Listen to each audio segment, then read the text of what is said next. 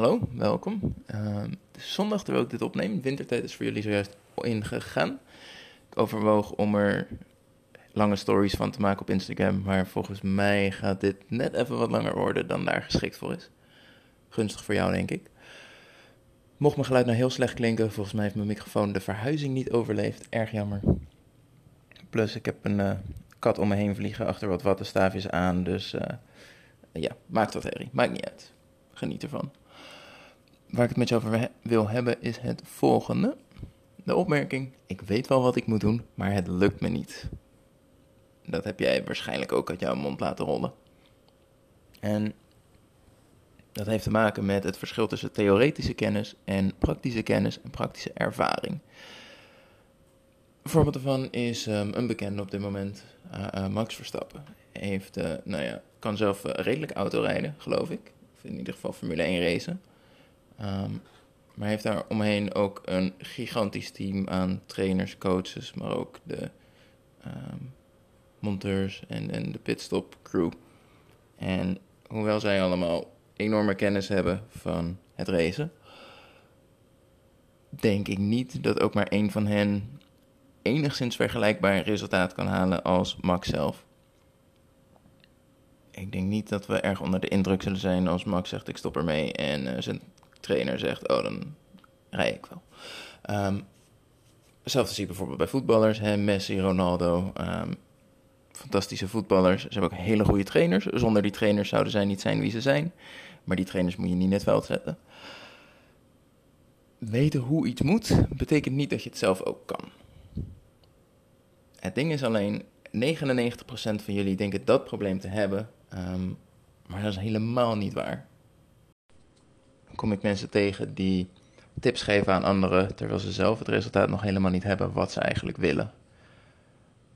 Waarbij je je dus zou moeten afvragen, hoe goed werken die tips nou eigenlijk als ze voor jou niet eens werken? Je denkt de kennis te hebben, alleen de motivatie of de mindset um, ontbreken. Terwijl de realiteit is, je hebt een enorm gat in kennis, praktische kennis. Je hebt een stukje theorie in de boeken gelezen, je hebt niet eens boeken geopend. Je hebt wat dingen online gelezen bij andere mensen op Instagram misschien. En denk dat dat genoeg is om minstens 10 kilo te verliezen en eraf te houden. Vooral dat laatste. Je hebt bijvoorbeeld gelezen dat eiwitten heel belangrijk zijn. En misschien weet je dat ze een rol spelen in herstel na sporten. Um, dat ze belangrijk zijn om um, de spieren te behouden terwijl je afvalt. Dat ze heel effectief zijn bij verzadiging en dus tegen trek helpen. Maar hoeveel heb je nou precies nodig? Hoe weet je wanneer je genoeg hebt en wanneer is het te weinig? Maakt het uit op welke momenten van de dag? Het zijn allemaal dingen waar je waarschijnlijk een heel stuk minder van weet. Hetzelfde verhaal met sport. Je weet dat sport heel belangrijk is tijdens het afvallen, dat het verschrikkelijk kan helpen. Je weet ook dat, het best, dat je best kan afvallen zonder. Waarom zou je het wel doen, waarom zou je het niet doen en wat moet je meenemen in die afweging? Hoe weet je of je genoeg sport, wanneer sport je te weinig? Je weet dat rust ook belangrijk is, maar wanneer heb je rust echt nodig en wanneer zit je jezelf smoesjes te geven om rust te nemen, omdat je eigenlijk geen zin hebt om te sporten? Je snapt mijn punt, denk ik wel. Waar je dat probleem heel, heel veel ziet en waar het een beetje misgaat in het stukje coaching, is um, de ervaringsdeskundige. Mensen die zelf 10, 20, 40, 50 kilo zijn afgevallen en daarom denken: als het me bij mezelf lukt, dan kan ik andere mensen ook helpen. Een aantal problemen daarmee. Eén is natuurlijk dat wat voor jou werkt niet per se voor een ander werkt.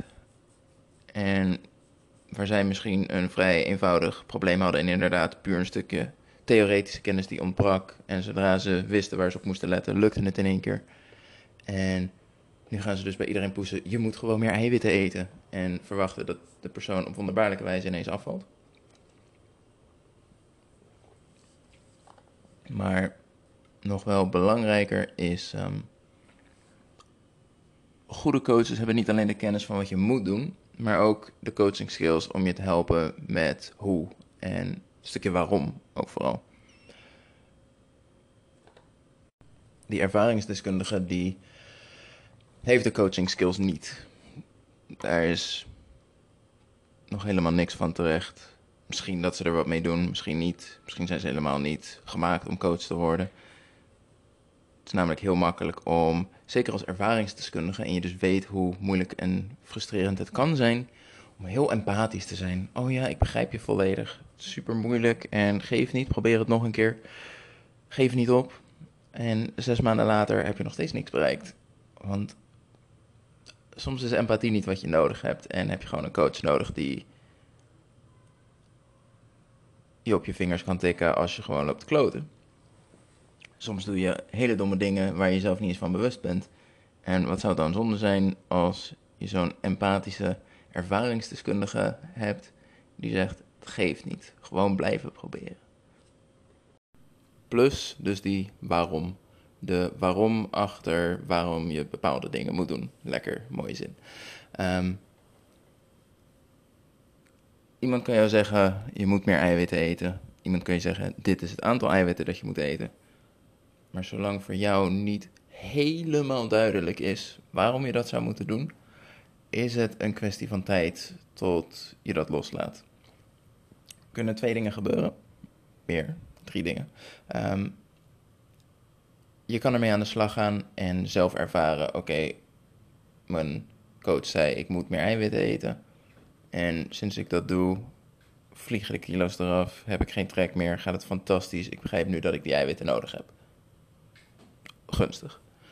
Kan ook zijn dat je ermee bezig bent gegaan, maar of je merkt er niks van, of het lukt gewoon nog niet zo goed.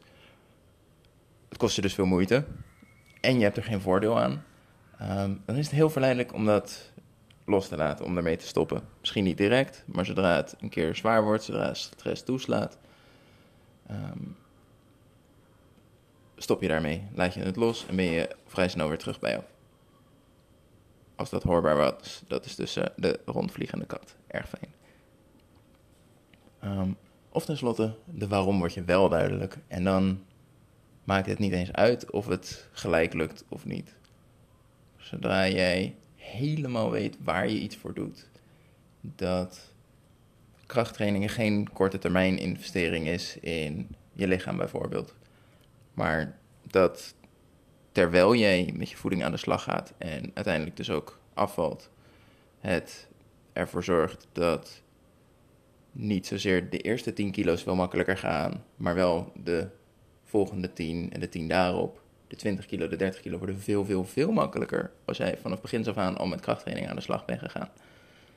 Plus de voordelen die het heeft op um, de uh, hongerhormonen in je lichaam en dus de treksignalen. Um, je zal veel minder van die impulsieve ik moet nu eten uh, trek hebben. En de, je ziet iets voor je neus en je wil het per se eten. En dat zijn allemaal hele mooie voordelen van krachttraining. Maar zonder dat je dat soort dingen één weet en twee kan ervaren, um, is het heel lastig om zoiets vol te houden en 100% aan te geven. Dus als jij nou al deze tijd denkt, ik weet precies hoe ik moet afvallen, maar het is me nog steeds niet gelukt, wordt het tijd om te accepteren, eh, nee, je weet niet precies hoe je moet afvallen. En dat is oké. Dat betekent dat je of iemand moet inschakelen die dat wel weet. Of je moet aan de slag gaan. Praktische ervaring opdoen.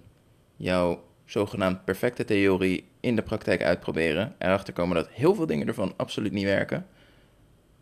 En dan niet gefrustreerd opgeven omdat het niet werkt. Want je wist alles al en toch werkt het voor jou niet.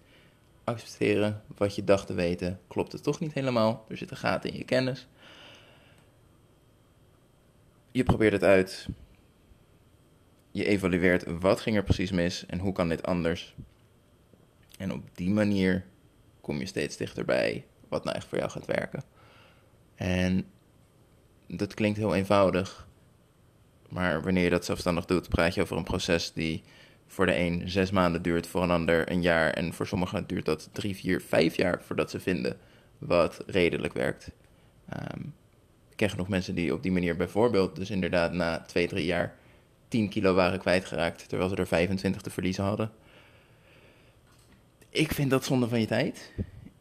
ik zou zeggen, als je het kan veroorloven, schakel iemand in die je daarbij kan helpen. Ik heb ervoor gestudeerd. Ik heb tientallen, ik ga richting de honderd denk ik, uh, cliënten aan ervaring. Dus ga daar nou vijf jaar van je tijd aan verdoen en hopen dat je tegen die tijd wel de kennis hebt die je nodig hebt, of schakel je mij in? Die keuze is aan jou. Je weet me te vinden. Dat was het voor vandaag. Doei.